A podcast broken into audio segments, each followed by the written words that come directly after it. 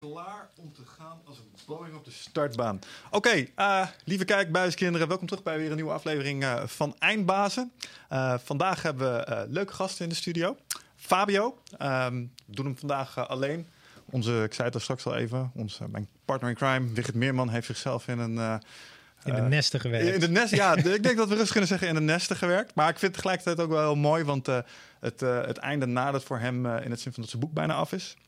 Hij moet nog een uh, paar puntjes op de i zetten, maar hij moet binnenkort naar de drukker. En uh, het grote moment is uh, bijna daar. Dus nou ja, vol verwachting klopt ons hart, Wigger. Dus zet hem op. Maar we Succes. doen het vandaag dus eventjes met z'n tweeën. Um, en voordat we door denderen naar jou, moet ik ook niet vergeten om het volgende even te zeggen als we het hebben over Ome Wigger. Want um, ik weet niet, volg je ons een beetje? Ja, een beetje. Heb je het, KCT-avontuur meegekregen? Oef. Ja, onze nee. Heeft iets echt, echt iets geweldigs gedaan. Die heeft afgelopen januari heeft hij de KCD, KCT Korpscommando troepen selectiedagen Ah, heeft hij doorstaan. Uh, dat hebben we allemaal vastgelegd. En 30 augustus komt uh, de documentaire die we daarvan hebben gemaakt, Wilskracht. Die komt uit. En ik heb de sneak preview gezien. En hij is ten eerste sowieso hartstikke dik. Als je wicht graag echt helemaal over de kling wil worden zien gejaagd, dan zou ik zeker kijken. Dus er zit enig leedvermaak tussen. Maar ik moet zeggen dat ik aan het eind toch ook nog wel even een tikje geëmotioneerd was. Omdat het echt duidelijk was dat die gast alles heeft gegeven daar. Dus uh, de naam van de documentaire Wilskracht is in dat opzicht echt goed gekozen. Maar iedereen die iets uh, heeft met onze defensieactiviteiten uh, en die dat ook mooi vindt, kijkt die documentaire echt. 30 augustus gaat die live op ons YouTube-kanaal. Dus wou ik niet vergeten om jullie nog eventjes te vertellen. De trailer is ook online, hè? Je hebt hem gezien? Die heb ik gezien, ja. Wat je ervan? Wilskracht. Ja, Ja. Nee, maar dat, dat spat wel van elke scène af ongeveer. Ja, En eh, ja, je, ja, je ziet de hoofdrolspeler gewoon eh, compleet... eh, aan het gas gaan. ja, eigenlijk wel, ja. Nou, ik, heb daar, ik mocht daarbij zijn. en ik heb dat van de, zijland, van de, vanaf de zijkant mogen gezien. En ja, die, die gasten maken daar geen grappen. We mogen niet te veel vertellen over de inhoud van het programma. Maar ze hebben daar de techniek van het mensen over de klingjagen wel echt verfijnd. En dat doen ze echt binnen no time. En ik snap ook waarom ze het doen. En dat komt in die documentaire ook echt mooi naar voren. Ehm, maar ik moet zeggen dat ik toch wel een paar keer met een grens van oor tot oor heb staan kijken hoe die jongen dat heeft gedaan. Maar echt met absolute bewondering. Dus super veel respect voor Wigert. Kijk eh, nogmaals die, eh, die docu. Ehm, maar laten we het vooral over jou hebben, Fabio. Want ehm, nou, allereerst eh, top dat je toch nog bent gekomen. Want ik denk dat ik nog nooit een afspraak zo vaak heb moeten verzetten als die met jou. Zo, dat was, dat was eh, een klus. ja, dat was niet charmant. En uh, nou ja, er waren natuurlijk redenen voor. Uh, maar we zien, dat is wel eens vaker gebeurd. En vaak waren dat achteraf altijd de podcasts die ook echt de moeite waard waren. Dus Oh. super tof dat je nog even... Leg de lat neer. Ja, ja, ja, no pressure, no pressure. um, maar ik vind het echt... Oh god. Zo. Normaal moeten we eigenlijk hebben we de afspraak dat als je telefoon gaat tijdens de podcast dat je moet opnemen. Maar dat gaan we nou even niet doen. Oeh. Oeh. Nee, um, de reden dat ik het echt super cool vind om jou nu in de podcast te spreken, is omdat ik in de voorbereiding uh, dacht ik, oh, oké, okay, we gaan het over intelligent bewegen hebben. En we gaan het hebben over uh, een aantal onderwerpen die we hier misschien al wel vaker aan de orde hebben gehad. En toen begon ik me voor te bereiden en toen kwam ik erachter, nee, dit is echt de perfect timing om jou te spreken. Omdat um, een van de dingen die me ontzettend aansprak in jouw persoonlijke verhaal is hoe jij om bent gegaan met een emotie waar ik de laatste tijd zelf ook veel mee te maken heb. Een stukje angst. Uh, jij, hebt iets heel knaps gedaan. Jij hebt uh, een hele sterke, negatieve, moeilijke emotie. Heb jij weten te overwinnen. En uh, we zitten met z'n allen nu in een bepaald vaarwater. Nou, ik moet zeggen dat als ik om me heen kijk, trekt dat een wissel op mensen, emotioneel. En niet in de laatste plaats op mezelf. Dus ik merk dat ik nu ook wel eens met angstige, moeilijke gevoelens te kampen heb. En toen zat ik naar je voorbereiding te luisteren en dacht ik steeds van... ja man, oh wacht, ja, ik snap het. En misschien ligt hier voor mezelf nog wel degelijk iets om eens er even uit te halen. Want kun je eens beginnen met te vertellen um, hoe dit boek tot stand is gekomen? Want dit was een antwoord op iets waar je zelf mee te kampen had. Ja, klopt. Ja, je zegt heel veel dingen die mij uh, meteen uh, enorm uh, triggeren. Ten eerste om er even op terug te komen. Overwinnen vind ik is niet het juiste woord voor mij. Ik heb niet mijn angst per se overwonnen. Ik heb hem wel beter leren doorgronden, leren kennen. Hmm. Dat is voor mij wel echt een verschil. Want ik, ja, hoe kun je nou een angst overwinnen? Ja, ja, ik, heb, ik draag altijd een vorm van angst bij me, of Hmm. onzekerheid of wat dan ook. Dus ik heb het beter leren begrijpen. Het heeft mij uh, compleet verrast uh, in die tijd hoe heftig die angst kan zijn. Ja. Hoe stevig een paniekaanval jou in je greep kunt hebben en hoe het jouw leven kan bepalen.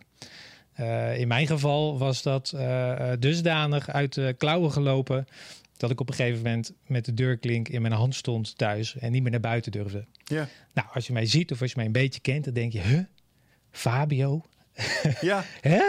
Ja, maar het was wel echt zo. Eh, Het had me compleet ehm, ja, in de tang. En ik was zo angstig en bang ehm, dat ik zelfs gewoon niet meer naar buiten durfde. Dat was een gitzwarte periode Ja. van mijn leven. Ik was Waar een jaar was of je- 23 Waar was je dan bang voor op zo'n moment?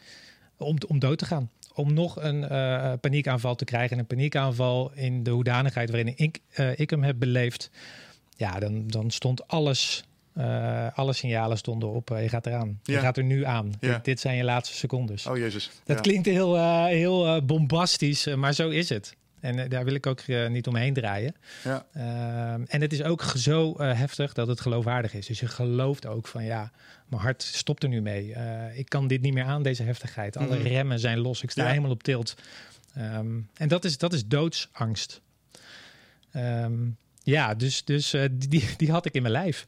En daar stond voor mij iets om op te lossen. Want zo wilde ik natuurlijk niet verder leven. Ja. ja, en je zei, was, was best jong, 23? Klopt. Ja, dat is ook vrij jong, ja. Ja, eh, enig idee waar de- wat de, de oorzaak was? Ja, wat ik in mijn boek heb gedaan is vanaf dat punt vooruitkijken. Ehm, en een oplossing vinden en het te leren kennen en doorgronden.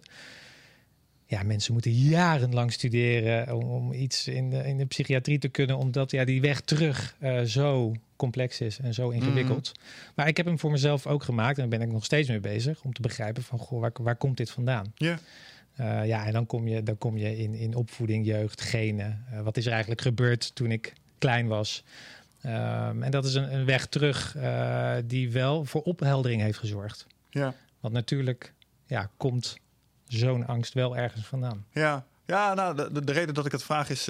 kijk, er kunnen een aantal aanleidingen zijn voor dit soort... eh, ehm, ja, hoe zullen we het eens noemen? Wangedrag van je hersenen, zeg maar. Bijvoorbeeld. Ja, e- enerzijds kan het zijn door, door iets wat er in het verleden is gebeurd... waardoor je bepaalde ervaringen hebt.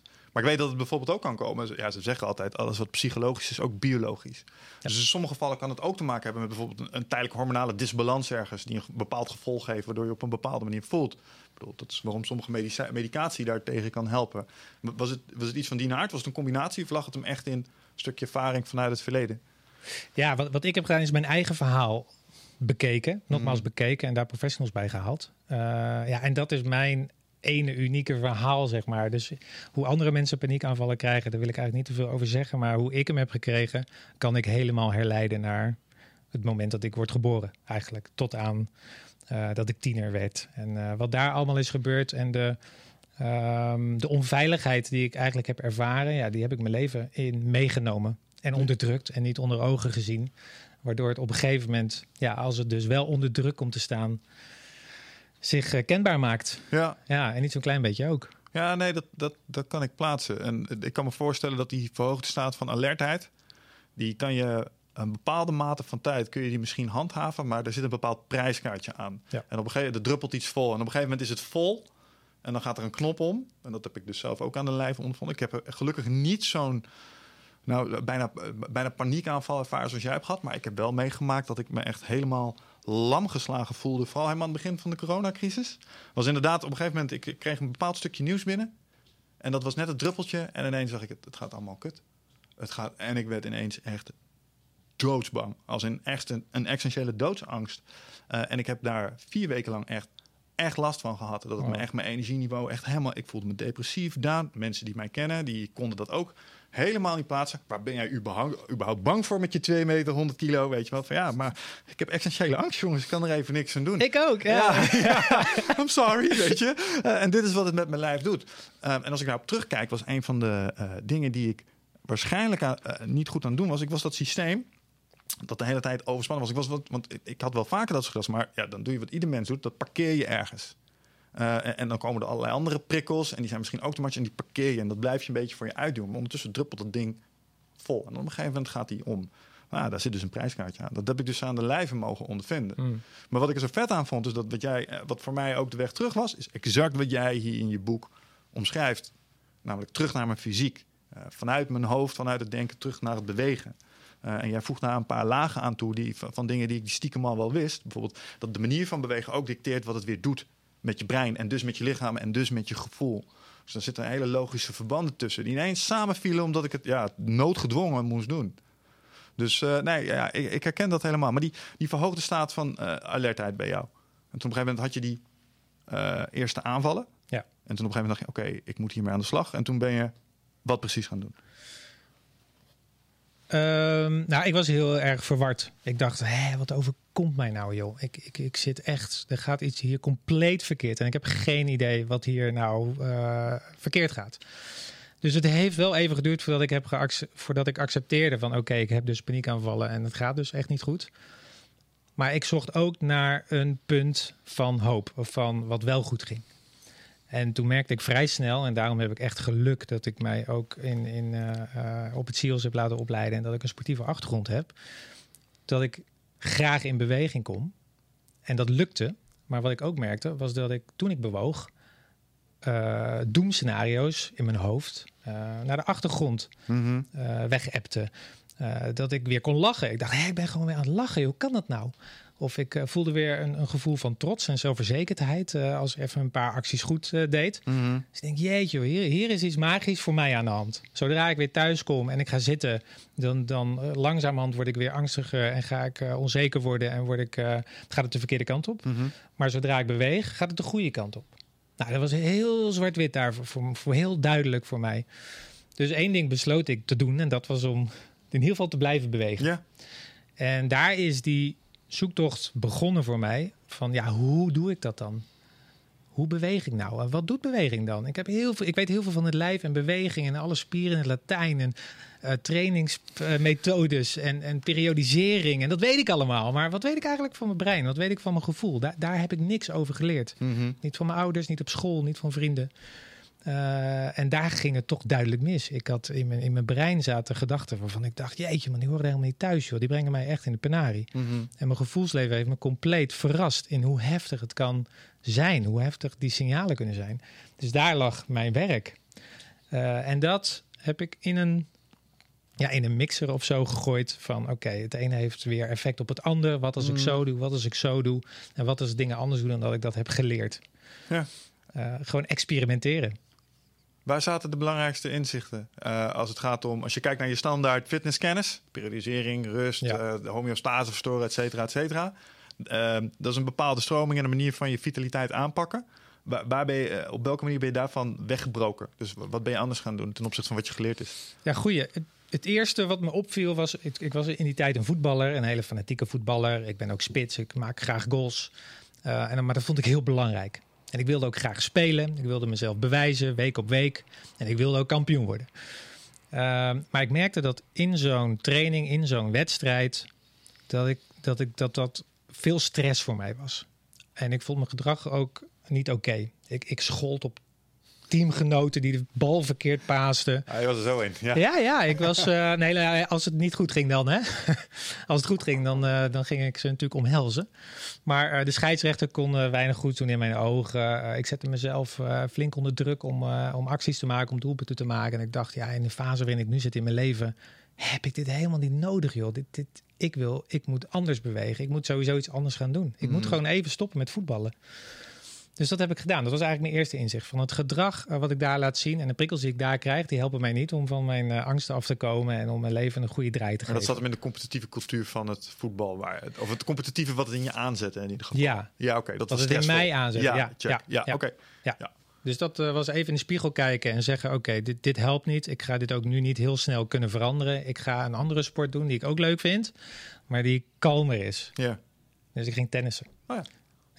Je ziet ook vaak dat voetballers tennissen ook leuk vinden. Daar ben ik er ook eentje van. Dus ik ben gaan tennissen. Is dat zo? Is dat een patroon? Ja, zo'n patroon. Oh, heel duidelijk. Ja, ja. Interessant. Ja, heel Waarom? erg. Uh, balletjes, balgevoel. Uh, ah, Oké, okay. ja, ja, voetenwerk. Voetenwerk, inderdaad. Ja.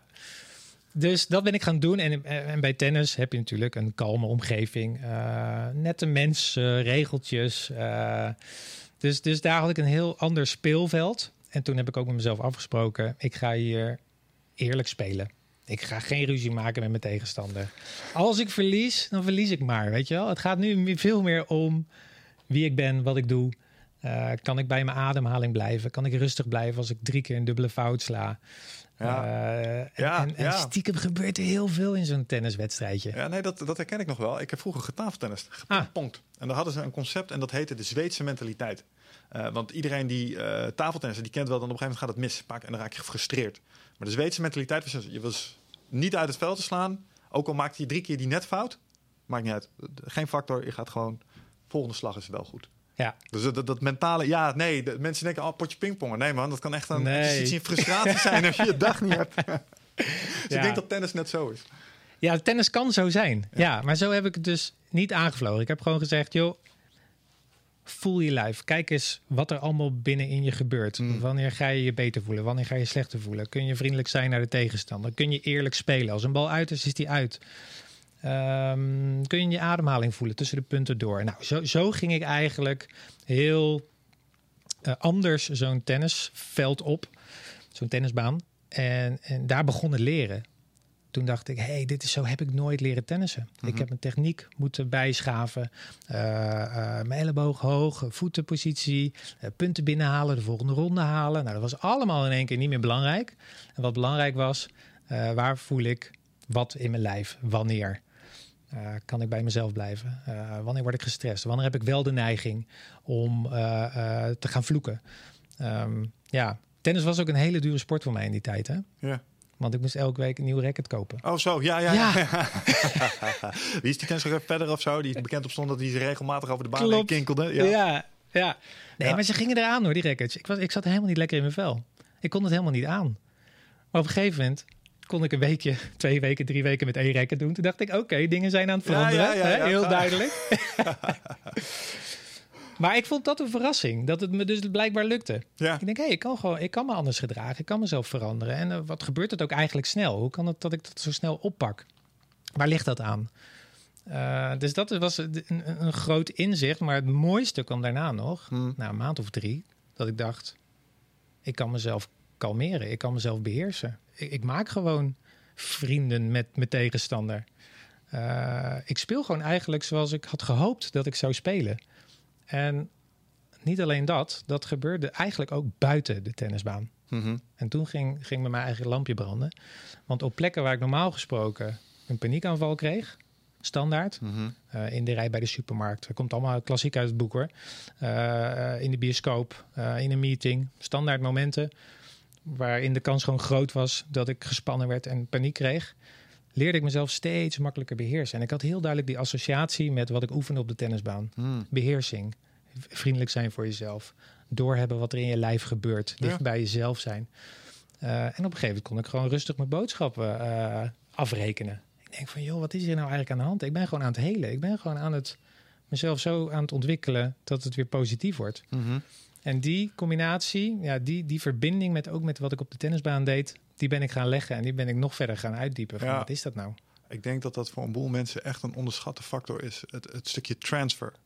Eh, Het, momentum dat je genereert in de ene baan, Ja. als je het slim doet, Ja. trekt het zeg maar, je voortgang op andere onderdelen ook weer mee. Dus als dat in dat sporten ineens beter gaat op sommige, dan heeft dat een effect in je relatie, in hoe je voelt ten opzichte van jezelf en alles wat je doet. En eh, dat vind ik er zo mooi aan. Want je kan, je kan hier, misschien kun je in die ene baan waar het niet lekker gaat, kun je niet bewegen. Maar die baan daarnaast, misschien hè, daar waar je wel iets aan kan doen, Ja, kun je, kun je dan iets gaan doen, bijvoorbeeld zoals jij hebt gedaan, om het beter te maken. En dan heeft dat ook weer effect op dat andere stukje. absoluut waar. Dat is wat ik gemerkt Ja. heb. En waar ik uiteindelijk mijn business van heb gemaakt. Ja. Maar toen was ik nog even alleen met dit van, hé, hey, wat gebeurt er nou eigenlijk? Ja, en toen dacht je, dit moet ik delen met mensen. Ik, dit moet ik gaan eh, uitproberen met andere mensen. Dat had ik. Ik denk, ik, ik wil dit uitproberen bij andere mensen die ook een verandervraag hebben. Mhm. Niet per se, hoeft niet per se angst of paniek te zijn, maar ik wil ook andere mensen, andere vraagstukken met dit idee eh, benaderen. Mhm. Kijken wat er gebeurt. En dat heb ik gedaan. Dus eh, oh, eh, man en vrouw, jong en oud. Ehm, eh, moeilijke, complexe vraagstukken uit de zorg. maar ook gewoon succesvolle lui die gewoon wat verder willen komen. En elke keer eh, gebeurde er weer iets waarvan ik denk: dit is, dit is gaaf. Het lukt. Hier zit iets in. Ja. En zo, zo is het gestart. Ik heb steeds meer, ja, toch ook door te experimenteren en door op te schrijven wat er, wat er gebeurde. Een, een, een visie en een methode ontwikkeld uiteindelijk, waar we nu gewoon ons werk mee doen. ja. Wat is het belangrijkste patroon dat je zag toen je begon te experimenteren bij die mensen? Wat ik heel interessant vond, is dat niemand zo op deze manier beweging of sport benadert. Hoe benadert de klassieke modus het? Nou, je kan hem eigenlijk grofweg in twee, in twee, in tweeën splitsen. Eén is eh, wedstrijden winnen, de beste zijn, punten halen, techniek eh, bijschaven. Nou, alles wat ik op het SEALS heb geleerd, Ja. zeg maar. Ehm, en dat kijken we ook eh, op tv en dat vinden we allemaal hartstikke tof, waaronder ik zelf ook. En je hebt er een die is op, ja, meer op uiterlijk gericht, esthetisch, Ja. gezondheid. Ja, ja. Ik wil er mooi uitzien, ik wil gezond blijven. Eh, ik wil een wasbordje, hè? Ik, ik wil spierballen, ik wil eh, goed op Instagram staan. Ik wil eh, records kunnen rennen, hè? dus de status en prestatie en hoe mooi je eruit ziet. Maar de persoonlijke groei, hè? wat er van binnen gebeurt, daar wordt heel weinig over gedeeld en geschreven en gepost. En dat was, dat was nieuw. Hm. Van, joh, ik ga jou helpen met een probleem. En niet met je kilo's, ook niet met je eh, persoonlijke record. Maar ik ga je helpen met iets waarmee jij zit in je leven. En dat benader ik via deze weg. Ja. Oh, oh, nou, dat vinden mensen wel wel spannend. En die Ja, willen ja. dat dan wel uitproberen, gelukkig. Dus, eh, eh, eh, maar het was wel nieuw. Dus ik merkte wel van ja, dit, dit, de mensen zijn dit niet, niet gewend om zo naar sport of beweging te kijken. Nee. En waar, waar- als je dan kijkt naar de mensen die op die manier hebt begeleid, waar ligt dan universele doorbraak? Ja, dat- dus waar merk je dat het zijn effect begint te sorteren? Nou, wat je merkt, en dat is ook een van de grote voordelen om beweging of sport in te zetten, is dat eh, gedrag razendsnel naar de oppervlakte komt. Eh, natuurlijk gedrag. Ja. Weet je wel, net als lichaamstaal, eh, ook taal in, in beweging. Ja, dat, daar kan je niet zo snel over nadenken, want ik gooi jou een balletje en jij, jij vangt hem er. En dat doe je of heel cool, of geïrriteerd, of, hij ko- ja, of je kopt hem weg, of je ontwijkt hem, of er kan in één keer heel veel informatie krijg ik dan. Ehm, dus wanneer de doorbraak dan is, dat is afhankelijk van wa- wa- wat de verandervraag is en wie de persoon is. Dat is natuurlijk dat is een heel, heel eh, complex verhaal en een hele puzzel. Maar wat er gebeurt is dat je heel snel inzicht krijgt in wie iemand is en waar die en hoe die zich gedraagt en hoe die dat graag anders zou willen. En dan komt de truc hè, om daar eh, oefeningen voor te bedenken en, op te coachen, dat we dat gaan veranderen. Grappig man. Doe me denken aan, ehm, ik, ik weet, volgens mij koppel ik het nu aan de verkeerde persoon, maar volgens mij was het Rickson Gra- Weet je wie Rickson Gracie is? Rickson Gracie is een van de grondleggers van het eh, Braziliaanse Jiu-Jitsu. Ah. De documentaire Choke eh, gaat onder andere over hem. En eh, volgens mij was hij degene die een keer een antwoord zei op de vraag van... hey, ken je die en die?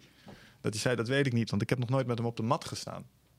Met andere woorden, je kan iemand zien op tv, je kan iemand meemaken op een verjaardag. Je weet helemaal niks over ze. Je weet pas hoe ze zijn als je met ze... in deze context dan op de mat, want dat betekent dan moeten Ja. ze sportief moeten ze aan de bak. Ja, En dan wordt redelijk snel blootgelegd uit wat voor een hout ze daadwerkelijk gesneden zijn. Mooi gesproken. Ja, daar moet ik aan denken als ik je dat zo hoor zeggen. Ik zeg ook vaak, ik kan ja. 24 uur met je praten, maar doe maar een uurtje squash. Dan, Ja, dan, ja, ja, ja, ja, dan weet ik veel beter hoe je in elkaar steekt. Ja, en ik dacht altijd van ja, dat is natuurlijk, ja, natuurlijk met vechtsport, want dan worden meteen al je angst en zo bloot. Maar het is waar. Met, met squash wordt, is het idem dito zo. Want als je niet tegen je verlies kan, dat zie je daar net zo goed terug. Bijvoorbeeld. Ja. Bijvoorbeeld.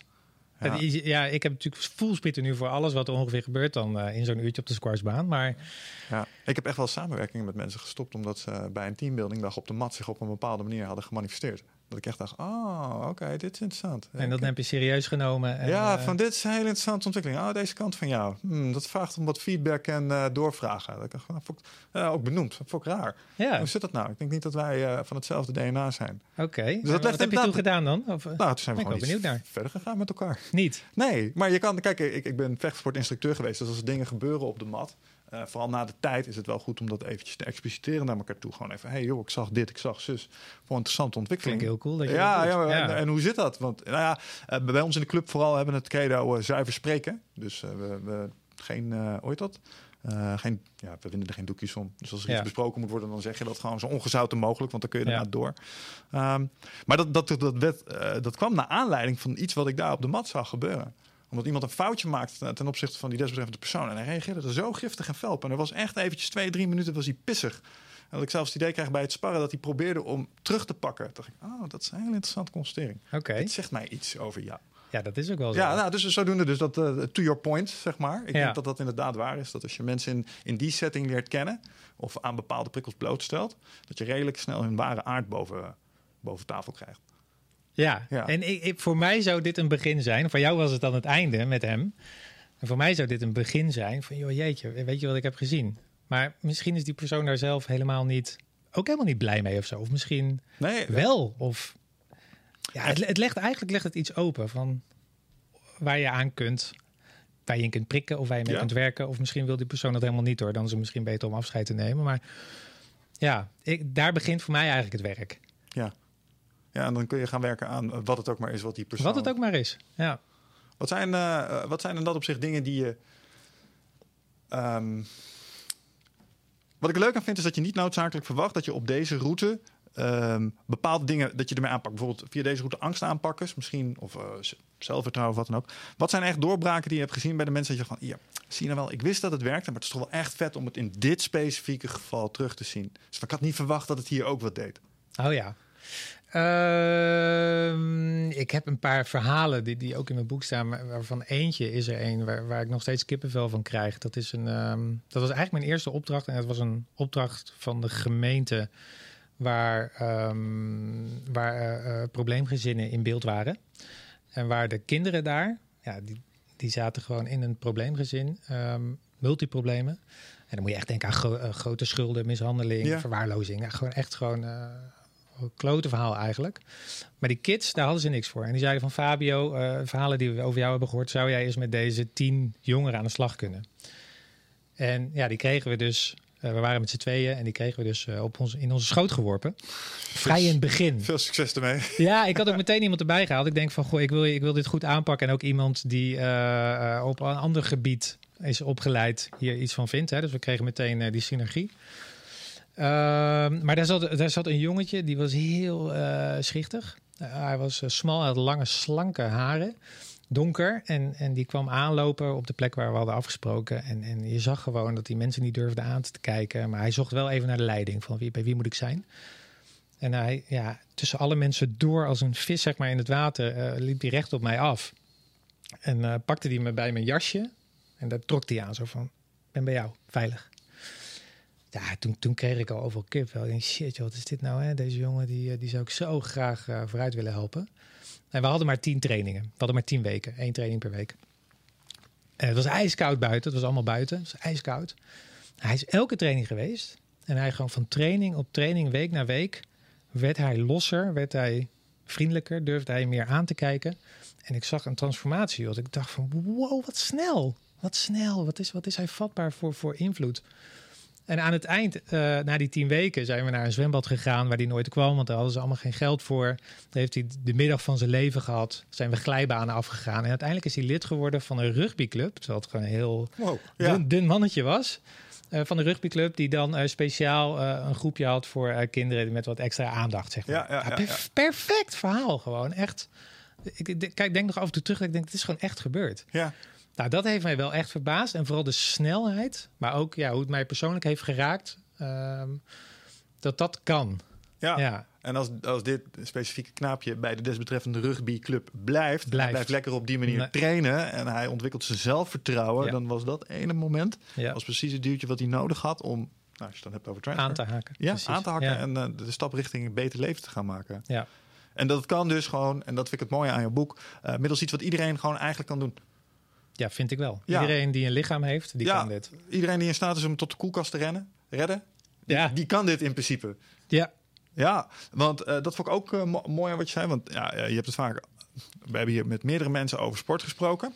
Uh, en dan kom je een heel spectrum tegen. Maar de mensen die wij spreken, vechtsporters, krachttrainers, het is allemaal trainen tot falen. Het is uh, je 1RM uh, deadlift. Ja, inderdaad. Helemaal maximaal het lactaat door je bloedbanen heen blazen. Het is aan alle kanten afzien. En wat ik zo mooi vond aan jou is dat, joh, dat is eigenlijk helemaal niet relevant zeg maar, het, het, voor deze smaak niet. Nee, nee. Het, ja, natuurlijk, het heeft een plek in het hele sportieve spectrum. Maar als het gaat om wat, het effect wat ze proberen te bewerkstelligen, namelijk hier in het hoofd iets teweeg brengen door te bewegen, elke vorm van beweging is oké. Okay. En wat ik, wat ik interessant vond aan jou is dat je het zelfs select, uh, aan, je, aan je verhaal was dat je het selectief inzet. Dus afhankelijk van hetgeen je probeert op te lossen, kies je de vorm van beweging. Precies. Heb je daar nog een paar voorbeelden van? Ja, Um, nou, de mijne was dan tennis, hè? maar dan heb je bijvoorbeeld ook. Uh, nou, jij zei pingpongen net. Ja. Pingpongen heeft iets, heeft iets uh, bijzonders, vind ik, want het zijn hele snelle tikjes. Het is een licht balletje. Ja. Uh, en over het algemeen, als je een pingpongtafel eh, in een bedrijf zet, dan, dan wordt daar heel veel gelachen. Ja. Toch? Mensen doen rond de tafel, er wordt gelachen, totdat wij elkaar misschien in de finale tegenkomen en dan willen we toch even winnen. Even dan wordt het weer anders. Ja, ja, maar ehm, dat heeft iets. Daar heb ik ook naar gekeken. Van wanneer zou je dan bijvoorbeeld daarvoor kiezen? Nou, je kan bijvoorbeeld een, een, een, een situatie bedenken waarin iemand die lichtheid nodig heeft, die lol nodig heeft. Mm. Dat iemand down is, of misschien wel depressief is, of misschien in rouw is. Ehm, en moeite heeft om die lichtheid, om dat te kunnen relativeren, om eens met iemand te kunnen lachen. Ja, dat, dan is dat een perfecte eh, sport eigenlijk. Om eens in te zetten van, hey, krijg ik jou aan het lachen? Kan ik contact met jou maken? Ja, En dat komt door de, het lichte balletje, de lichte bewegingen, de fun die eigenlijk afstraalt van die tafel en het geluid van het balletje. Dat hele verhaal van tafeltennis is gewoon lachen. ik heb er ook Voor een heel hele veel mensen. campingassociatie mee. Heb jij dat ook? Campingassociatie. Ja, Ja, toch? ook. Ja, Ja. het is wat je met name vakantie deed. Ja. Als je niet Kijk, als je het echt serieuzer gaat doen, dan kom je natuurlijk. Ja, dan bij word je competitief. Maar ik heb het even over deze setting met intelligent bewegen.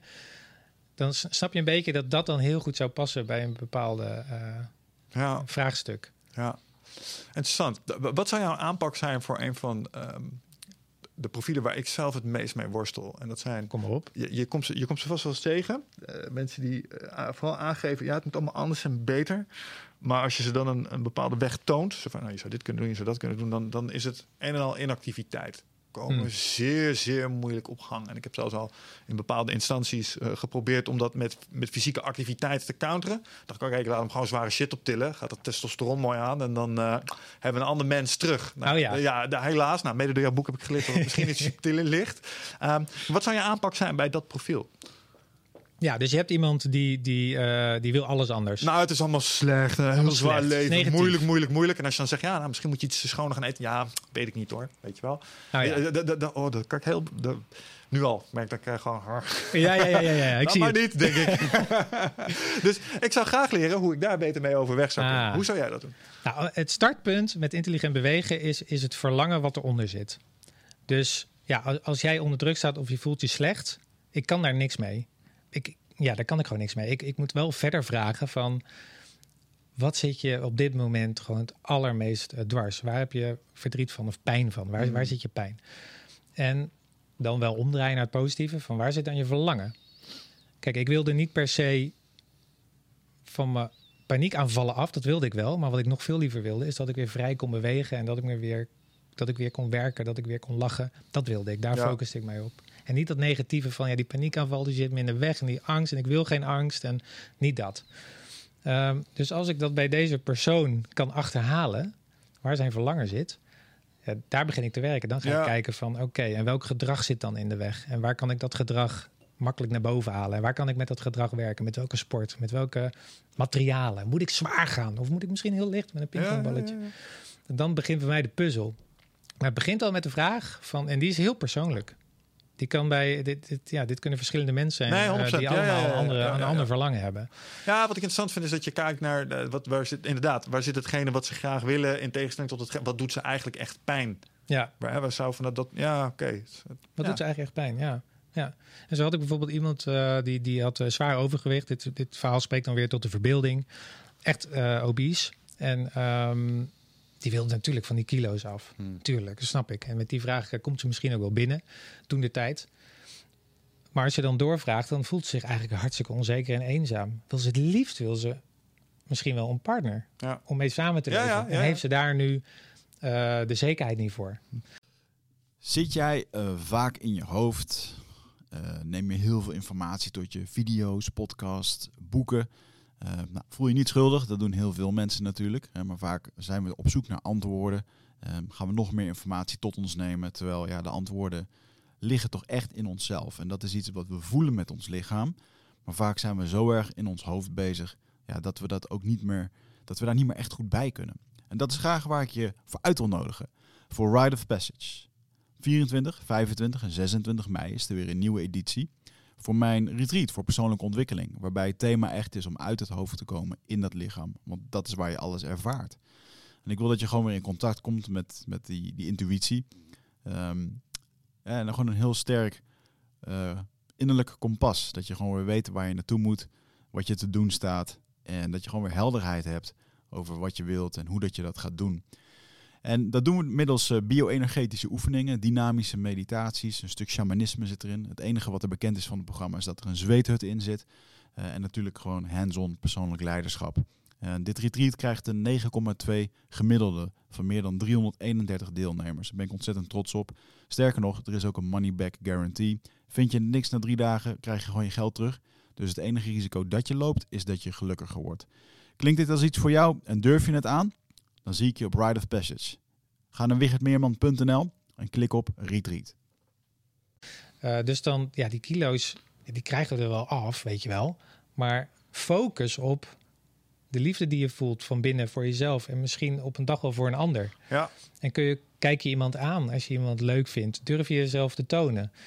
Uh, dat, dat zijn veel relevantere vragen. En dan heb je veel meer een verlangen te pakken die iemand in vuur en vlam zet. Ja, nou ja, nu, nu dit zo zegt, denk ik, ja, eigenlijk heb ik deze voorbeelden ook gewoon in mijn directe omgeving. Ik heb uh, toevallig uh, afgelopen jaar een uh, heel mooi transformatietraject gezien van een gast die ook eerder een fysiek traject had gedaan. Die op, een gegeven moment zat ook rond de 140. Die heb toen naar de 120 gekregen. Toen op een gegeven moment toen moest hij het zelf doen. Toen is het weer in het slop geraakt.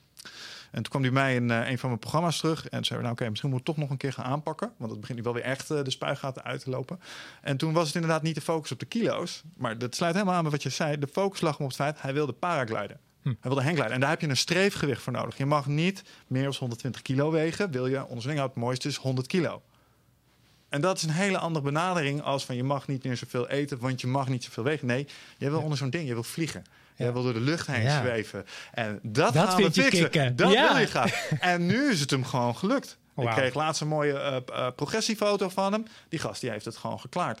En dat sluit, en dat kwartje valt nu pas, gek genoeg. Maar dat sluit 100% aan bij wat je zei. Want ja. in dat traject is volgens ingezet niet op het van dit mag niet of dit moet anders. Nee, is, dit is wat je unlockt straks. Hmm. Dit is wat je terugkrijgt. Mooi gezegd. De, de, ja. de, wortel ervoor. En dat is ja, wat, wat er straks even over Peterson.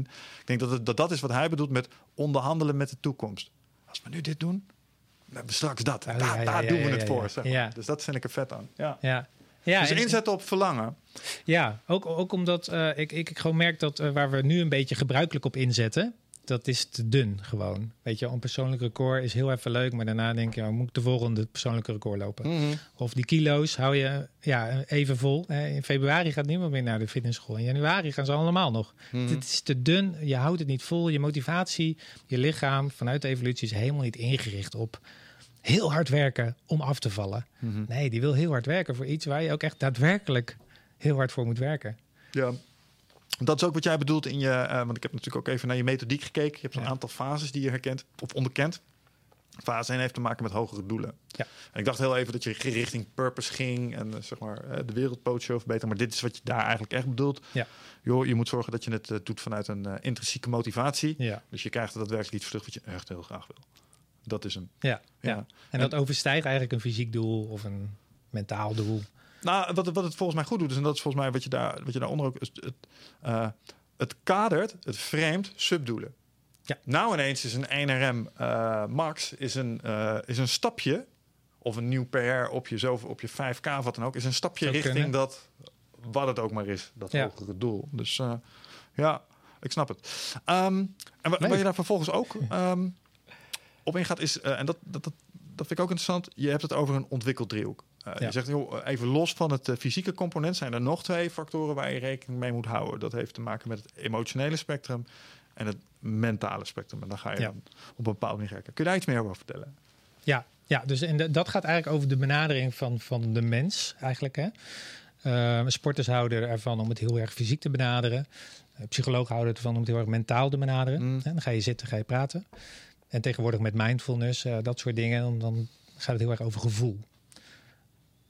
Maar wat ik vind dat we vaak vergeten, is om daarna weer uit te zoomen van joh, dat, dat is allemaal natuurlijk met elkaar in verbinding. Ja, Weet je wel? ja, ja. Ja, ja. dat weet jij ook. Dat weten heel veel mensen gelukkig tegenwoordig. Dat is één werkend systeem.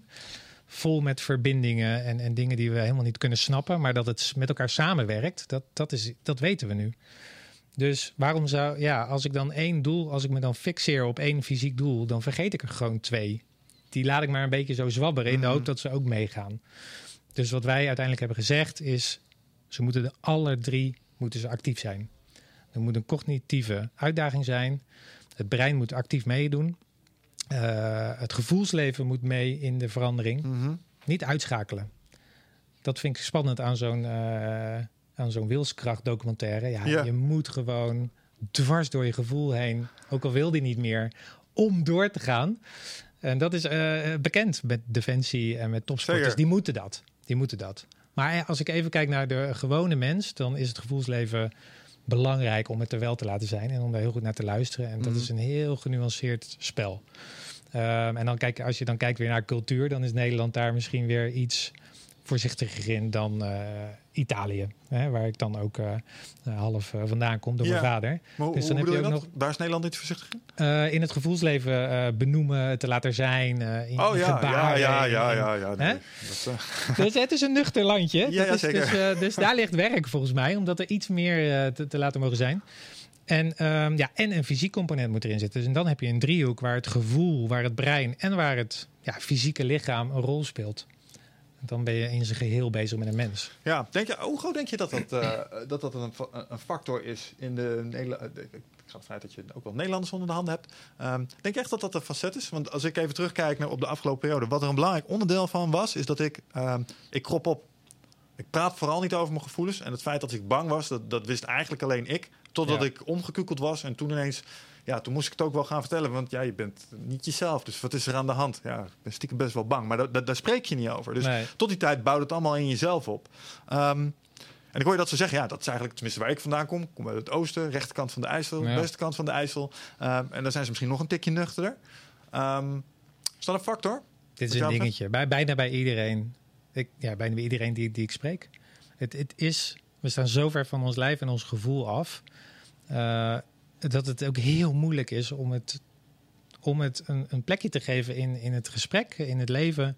Ja. Eh, ja, handel het maar, weet je wel. Ik wil. eh, Val je ja. met jouw shit dealen, ja. Nee, maar ik wil dat eigenlijk helemaal niet met jouw shit. Je moet niet je hele shit op tafel gooien. Dat is weer de andere kant. Hè, dat vind ik ook. eh, daar heb ik ook helemaal niet de energie voor om dat de hele tijd aan te horen. Maar om het een, ja, een, een, een gelijkwaardig plekje te laten hebben in ons gesprek of zo. Dat vind ik wel mooi. Als je mooi genuanceerd kunt benoemen op een dag. En in het begin gaat het allemaal lomp. En eh, ja, ik ben bang. En Ja, ik ben bang. En ja, oh, daar kan ik nog steeds niks mee. Maar als je dat een beetje gaat ontrafelen. En je kunt het misschien wat eerder benoemen. Of van joh, ik voel dat ik een beetje gespannen ben voor dit eh, Ja, interview. ja, hè, dat voel ik een beetje in mijn buik. Maar dat is nu weg. Eh, goh, ja, maar ja, dat vind ik prettig als mensen zo kunnen communiceren. Maar dat is moeilijk, want heel weinig mensen kunnen dat, vind ik. En ik ben er zelf ook gewoon veel mee bezig om dat een beetje onder de knie te krijgen. Ja, probeer het meer te doen. De, de bewoording die je net... Ik, ik ervaar spanning momenteel. Dat zijn die ik de laatste tijd wel, wel bezig van. Ja, ik heb merk Ja. gewoon dat ik even spanning heb. En met dat je het benoemd hebt, is het ook oké. en dan kan je gewoon Ah, lekker, lekker je ding doen. Maar tegelijkertijd kleeft er ook nog wel een klein beetje stigma hier aan. Ja, Af en toe. tuurlijk. Want, want ja, ik heb ook wel eens bij overleg gezeten... waarbij er een emotioneel componentje in kwam. En dan merk ik, dan wil ik een beetje onderuit schuiven. Zo. Ah, ja. Een beetje ongemakkelijk. Zo, kunnen we door naar het volgende punt. Weet je. Terwijl het misschien super, super legitiem is waar die mensen het op dat moment over hebben. En die emotionele beleving is even geldig. Ja. Maar er zit iets in onze cultuur waar ze van ja, het is, ergens wordt het irrelevant geacht, want ja, het draagt geen kloot bij aan de oplossing. nou, Laten we ons nou maar richten op wat er gebeuren misschien. moet. Ja, nee, als ik vaker met jou werk, dan wil ik wel even weten hoe je in de wedstrijd Ja, nee, zit of zo. 100%. hè? Dan wil je aligned zijn. Ja. ja, interessant. Maar dat emotionele component, Ja. dat is wel een dingetje. En, en eh, eh, hoe kijk je naar het mentale aspect? ja, daar zijn we heel goed in. Hè? Wij zijn, wij zijn zo, zo sterk met ons brein. Uh, Bij mensen? Of, Mensen, ja. Sorry, ja, wij mensen. En dit, dat brein dat kan ook overroelen heel makkelijk. Hmm. Dat kan ook gewoon eh, de emoties eh, eh, onder water houden heel lang. En dat kan gewoon bepalen dat je dwars door het lint gaat als je wilskracht toont. Dan kan je hartstikke jezelf bijna dood lopen, bij wijze van spreken. Mm. Allemaal alleen maar omdat je het wil. Ehm, dus dat is zo sterk. En dat vind ik tegelijk vind ik een kracht. Maar dat vind ik natuurlijk ook een valkuil. Als je Ja. jezelf gewoon helemaal naar de Filistijnen helpt. Ja, door ja, jezelf overal doorheen te rammen. Dus dat heeft ook management nodig. In die zin dat het... Je hoeft het niet op nul te zetten. Want dat krijg ik ook vaak natuurlijk. Ja, even mijn gedachten op nul, even sporten. Ja. Ja, dat vind ik ook niet helemaal de bedoeling. Het moet er wel, het moet er wel zijn. Maar wel gelijkwaardig met je gevoel in je Heb, je, lijf. heb je dat wel eens echt gehad dan? Dat als je aan het sporten was, dat je gedachten op nul gingen? Nou, dat zeggen mensen vaak Ja, bij mij gebeurt dat echt niet. Ik Nee, heb dat mij wel- niet, ja, nou, nee, dat is niet helemaal waar. Er zijn een paar momenten waar je echt niet aan het nadenken bent. Maar dat zijn ook, dat is niet ontspannen trainen. Dat is bijvoorbeeld eh, in wedstrijden. Zo, als je er helemaal in zit, je zit Ja, in je flow, of je bent aan het sparren of wat dan ook. Maar als ik aan het hardlopen ben of aan het trainen ben, dan merk ik juist dat mijn gedachten alle kanten op gaan. Ja, Alsof mijn hersenen even alles bij elkaar aan het puzzelen zijn. Defragmenteren. Weet je nog van vroeger? Moest je harddisk, weet je wel, weet je computer sneller Ja, van. ja, dat gevoel krijg ik er altijd een beetje bij. Van, hé, waar zit ik in mijn hoofd? Nou, het zal wel doortillen. Prachtig. Ja. Ja, hier, hier zeggen filosofen echt dingen over. Die, die, ja, dat, dat, Zo'n dergelijk proces is er wel gaande in je hoofd. Volgens mij ook. Want er gaan hele andere netwerken worden actief. En inactief. En Ja? Er gebeurt heel veel. Dat heb ik ook gedeeltelijk kunnen uitzoeken. Ehm, dus, maar sommige mensen die eh, ervaren het zo dat ze dan geen zorgen meer hebben. Of dat ze dan niet meer hoeven na te denken over wat ze die dag nog moeten doen. Ja, Of, hè, Ja, dat ze een ja, blunder hebben gemaakt op hun werk. Of even gedacht op nul, weet je wel. Maar wat er eigenlijk gebeurt, is dat je in het nu wordt getrokken. Ja. Ja, En wat, ik, door beweging. en wat ik altijd erg, ja, wat je volgens mij ook niet geheel moet onderschatten, is er, er gebeuren allerlei fantastische chemische dingen in je hersenen op het moment dat je die dingen aan het doen bent. Die je ook gewoon een heel ander gevoel geven. Ja. Ik heb laatst eens een keer weer zitten kijken naar ehm, ehm, eh, bijvoorbeeld eh, de, de, onderdeel van het boekje wat ik aan het schrijven ben, de, de uitwerking van testosteron op je mentale gestel. En eh, je hebt misschien wel eens gehoord van roid rage. Dat is wat die bodybuilders krijgen als ze Ja. exogeen testosteron Ja. gebruiken. Gaat het emotionele spectrum, eh, dan kunnen ze heel snel heel boos worden. Maar ook de andere kant. Als bijvoorbeeld testosteron onvoldoende aanwezig is in je bloedstroom. Wat voor mentale effecten dat heeft. Lusteloosheid, moeilijke gedachten, angstgevoelens. Dat soort zaken. En dat zijn volgens mij allemaal zaken ehm, die je één op één kunt beïnvloeden met de manier waarop je, of dat wat je van je lichaam vraagt. En hetzelfde geldt bijvoorbeeld voor een, een goede cardio-oefening, endorfines. Dat is een ding. En dan Hmm. ineens ga je een ander gevoel krijgen bij hetzelfde feit. Want dat herken ik heel slecht. Er kan iets gebeurd zijn en dan kan ik op een bepaalde manier kijken en dan is alles kommer en kwel. En dan vind ik het vervelend. Ja, ja, en dan heb je ja. getraind en dan denk je, nee, het zal me wel. Weet je wel, je relativeert het op een, een of andere manier anders. Maar je voelt je heel anders ten opzichte toch- van dat Dit is gegeven. bizar wat je nu omschrijft. Ja, Dit gebeurt er toch? het is exact hetzelfde feit. En het, een half uur aan iets anders doen ertussen, in een bepaalde intensiteit, zorgt ervoor dat mijn hele perceptie en gevoelsbeleving daarachter verandert ten opzichte van dat Dit gegeven. is ongelooflijk. Ja, ja nou, het Ik, ik denk dan het lichaam is zo intelligent, die fixt dat gewoon voor jou. In principe hoef je het niet, hoef je, hoef je het probleem niet op te lossen. Nee, want je, ja, nee, precies. Door te sporten Ja. je perceptie anders en is het probleem er ook niet meer. Nee, Ja, oké. Ja, oké. Maar natuurlijk, als je crippling debt hebt en je voelt je even iets minder bezorgd om je crippling debt, je moet nog steeds je crippling debt oplossen. dat Dus, is waar. eh, Maar je gaat het niet oplossen als je heel erg gestrest bent. Nee, en- nee, nee, dat is zeker waar. Je gaat Dus het draagt oplossen ja. als je creatief bent. Nee, dat ben ik helemaal met je eens. Ja, ja, nee. Ja, het is net alsof je manier van denken in contact staat eh, met. eh, Het lijkt net zo, ja, hè? Ik zou het bijna denken. Ik had wel een leuk verhaal. De, de- Toon Gerbrand, die is hier ook een keer geweest. Ja. Die zei tegen mij, eh, als ik een probleempje heb, dan eh, ga ik hardlopen en dan kom ik thuis en is het opgelost. Eigenlijk wat jij net ook zegt. Ja. En hij zei dat zo tussen neus en lippen door. Ik zeg, joh, leg eens uit. Wat, maak je een grapje? Of eh, hij zegt, nee, doe ik echt. En dan baal ik zelfs dat ik thuis ben, omdat ik al zo snel thuis ben. Ja, Dus hij vindt het helemaal niet meer, hij vindt het leuk. Dus hij heeft er lol in. Ehm, en als hij een probleempje heeft, en dan weten we allemaal dat zijn eh, gewoon fikse problemen. dan kijken de hè. mensen mee, zeg maar. Ja, Ja, dus anders ja. als jij een probleem hebt. Ja. directeur van eh voetbalclub PSV Eindhoven. En eh, dan gaat het gewoon over miljoenen of media image. Of, of nou ja, dat zijn complexe, moeilijke, lastige problemen. Maar, Mm. En als zo'n man dit oplost met een stukje hardlopen, dan ga ik dat toch wel serieus nemen. Nou ja, het effect is er gewoon na. En dat is natuurlijk niet voor niets dat je, je, sch- je omschrijft het in je boek ook. eh, wij zijn natuurlijk fysieke wezens.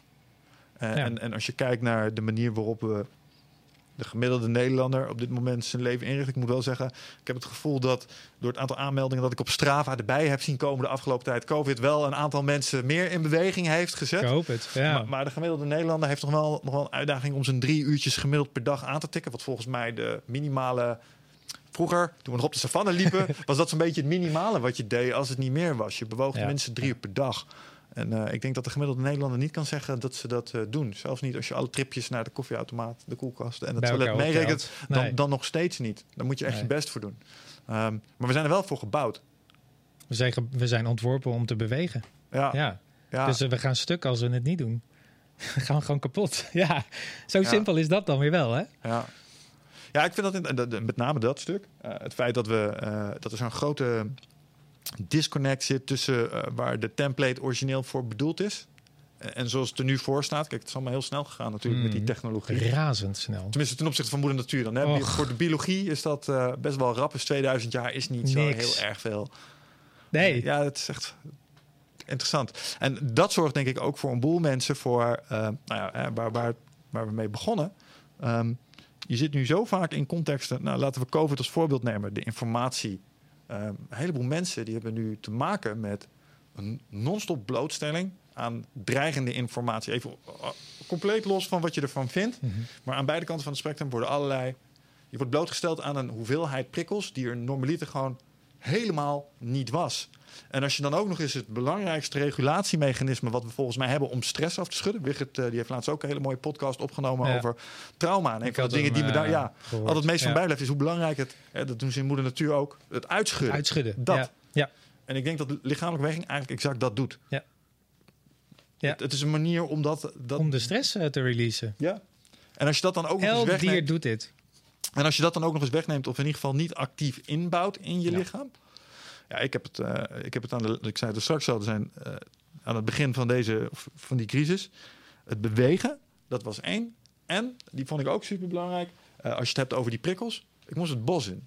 Elke Hmm. dag een half uurtje bosbaden. Ik weet niet of je daar eens van gehoord hebt. Bosbaden. Ja, uh, Jürgen noemen ze dat ook wel. Ehm, Bad in de zin van water. eh, Nee, gewoon, in gewoon in het bos. Je gaat in een bos staan eh, ja. en, en je, je probeert dat mindful te doen. Dus niet met je Ah. muziek aan, maar je probeert gewoon even rond te lopen, op je ademhaling te letten, naar de bomen te kijken. mm, Ehm, het schijnt dat als je patiënten op een kamer hebt liggen en die hebben uitzicht op groen, herstellen ze sneller. Er is allemaal onderzoek naar gedaan. En ze hebben dus ook onderzoek gedaan naar mensen bijvoorbeeld met angststoornissen of burn-outs of wat dan ook. En als je die structureel een half uurtje in het bos zet, Ja. dan merk je dat die, dat die sneller herstellen. En ik denk dat dat voor een belangrijk deel ook te maken heeft met het feit dat je zelf gewoon eventjes voor een uurtje onttrekt aan de hele hetze. Die Ook. zich met twee drukken op de knop eh, voor je ogen ontvouwen. ja. Snap je? Het is heel makkelijk om eh, in die bel te gaan zitten met non-stop prikkels. Eh, maar daaruit, want en, en die prikkels die doen iets met je, omdat het je vanuit moeder natuur, je wil graag overleven.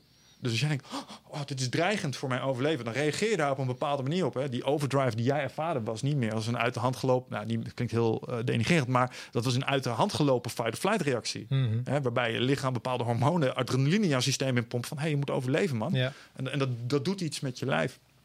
En we zijn niet gebouwd om zoveel prikkels te krijgen. Ik bedoel, het is niet voor niets dat media inzet op negativiteit, want we zijn altijd op zoek naar dat gevaar. tuurlijk. En ja. daar, daaruit in een groene omgeving gaan staan, in combinatie met beweging. Dat was echt fenomenaal. Maar als ik dat bewegen niet doe, dan merkte ik het ook direct. We hadden, je had het er straks even, ik kan wel even een kleine een tipje van de sluier oplichten Ja, ja, over je tip van de week. Maar ja. S ochtends in bed liggen, daar merk ik aan. Want ik doe hetzelfde. Ik weet of ik een goede dag ga krijgen. Afhankelijk van 's ochtends. Want ik scan tegenwoordig 's ochtends even hoe ik ervoor sta. Super. Want als ik een slechte dag had, knoop in mijn maag. Mhm. Bepaalde gejaagdheid in mijn hersenen.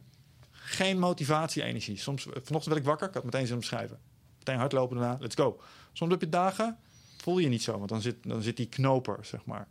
En ik weet dat als ik, op, als ik hem voel, heb ik geen zin in trainen. Maar als ik dan ga lopen, is hij weg. Hm. Dan is hij weg. Ja. Zeg maar. En dat, dus dat even van tevoren bij jezelf te raden gaan. Maar hoe, dat inchecken. Ja. Hoe sta ik ervoor? Inchecken in je lijf. Ja. Dat ik, ehm, ja, dat doet een boel. Want dan kan je je acties aan verkoppelen. Die ervoor gaan zorgen dat je je dag wel of niet gaat winnen. Vond ik ook mooi dat je dat zei. Als je je hardlopen s ochtends doet, is een win voor mij. Als ik een uurtje heb geschreven die dag, is een win voor mij. Ik heb een paar dingetjes, als ik die vink mag zetten. Hoe, ik- hoe, ik, me, hoe ik me ook voel, Ja. heb ik de dag gewonnen. En dan kan ik alsnog terugkijken op de dag en denken van... oké, ik voelde me misschien een vijf vandaag. Maar die, die, die vink heb ik wel weten te zetten. En dan trek ik hem aan het eind van de dag alsnog een beetje naar me toe. Hmm. En dat was in dat soort periodes was dat echt eh, eh, was dat doorslaggevend. Nou, mooi zeg. Ja. Ja. Terug naar ehm, eh, eh, de spatmethodiek. Eh, wat ik ook nog interessant vond was het stukje wat je daarna doet. We, we gaan beginnen, we gaan naar dat grotere verlangen kijken. Dan heb je ook nog een aantal andere dingen die je doet. Verkennen, ver- veranderen en verifiëren. Dat klinkt bijna als agile softwareontwikkeling. Oeh. Eh, wat Oh, ben je oké. daar aan het doen? nou, iteratief, zeg maar. Ja. Eh, telkens je oplossingsmethodiek eigenlijk een klein beetje bijsturen. Oh ja. Klopt dat? Ja, wat we, ja, ja en, en ook checken of, of we de goede kant op ontwikkelen. Dus eh, het begint eigenlijk met een onderzoekende oefening, waarin we echt gaan kijken naar gedrag. Dus we zetten dan een oefening in, eh, of we ontwerpen er eentje die het gedrag, ja, wat jou gewoon dwars zit, naar boven haalt, snel, Mhm. hè? razendsnel, hopen we dan. En dan gaan we dat spiegelen en gaan we dat blootleggen. En uiteindelijk zit er een, een trainingsfase na, waarin je dat gedrag eh, in beweging onder druk gaat zetten en, en probeert te veranderen. Dus dat je anders gaat proberen te reageren. Zoals ik ook op die tennisbaan deed. Ja. Anders reageren als je een keer een fout maakt of als je onder druk komt te staan of hè, wat de verandervraag ook is. En dat ga je oefenen, oefenen, oefenen. Steeds met andere oefeningen, met andere coaching, zodat je steeds op de proef wordt gesteld. En aan het eind gaan we ook verifiëren of dat effect heeft gehad. Dus dan doen we nog een keer diezelfde eh, oefening eh, die we ook aan het begin deden. Dan gaan we kijken van hoe reageer je nu. Hm. En als het goed is, dan reageer je meer zoals je dat zou willen. Ja. En heeft dat, eh, en heeft dat een positieve werking op je verlangen. Dat je dichter bij je verlangen komt omdat je je zo gedraagt. Interessant. Ja, want met name eh, waarom ik dat interessant vind. Want Ja. jij legt op een gegeven moment de relatie heel mooi naar eh, bijvoorbeeld ook teamniveau. Eh, want, eh, want je hebt het hier over het aanpassen van gedrag. Ja. Eh, of het nou dit gedrag is zeg maar emotioneel cognitief of het gaat om beter je tijd organiseren. Ik denk dat daar eenzelfde soort methodiek aan ten grondslag ligt. En met name als het gaat om teams een bepaalde performance laten presteren, is het kunstje dat je deze cyclus eigenlijk over alle elementen van dat team, alle individuen, op de juiste manier met elkaar in sync krijgt. Want dan krijg je echt een feestje. Dat dan gaat ineens zo'n team eh, met z'n allen, Ja, dan ja, gaan ze echt een slag maken. En dat is geweldig om van dichtbij te mogen zien. Het is leuk om te zien hoe ze dan ineens eh, dingen klaren waarvan ze nooit hadden gedacht dat ze het konden als, eh, als unit. Maar het lukt ze dan toch. Ehm, en daar hou jij je ook mee bezig. En die dynamiek vind ik ook wel even interessant om er kort over te hebben. Dus stel, je krijgt een club mensen onder je hoede. Wat doe je dan met ze?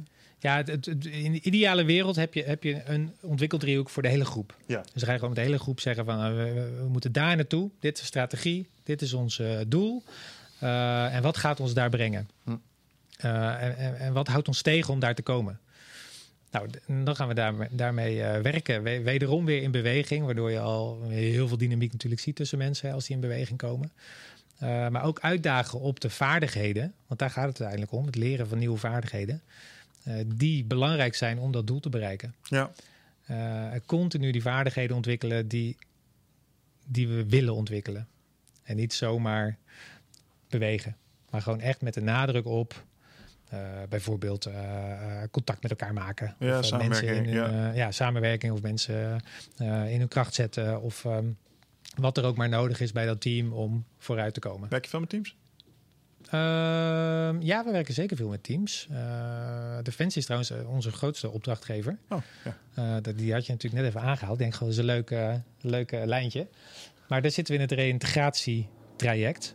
Dus stel je kan niet meer bij Defensie werken... of je kunt je functie bij Defensie niet meer goed uitoefenen. Ja. Dan kom je in een, ja, een procedure. En als het te lang duurt, dan kom je bij ons, onder andere. En dan komt er ook een, een reïntegratiebegeleider op te staan. Maar je komt bij ons in een 12-weeks programma... waarin je dus gaat bewegen en eh, vaardigheden aanleert... die je bij Defensie misschien niet hebt geleerd. Ja, ja, ja, ja, ja. Zoals, eh, nou, misschien kun je een voorstelling voor, bij maken, maar Vriendelijk zijn voor jezelf. eh, Laten we bijvoorbeeld. eens één noemen, ja. Ja, je grenzen leren kennen en die aangeven.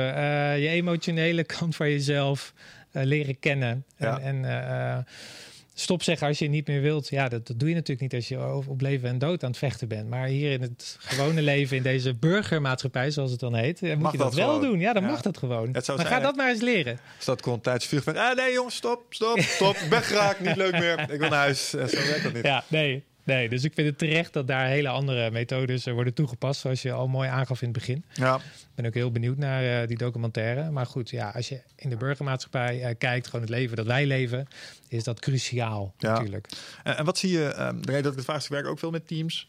zie denk ik wel bepaalde patronen. Ik ben met name even benieuwd welke patronen Ja. jij ziet als het gaat om samenwerking binnen teams. Waar je, waar je vaak met een paar kleine dingen al een hele een, een verschil van dag en nacht kunt maken.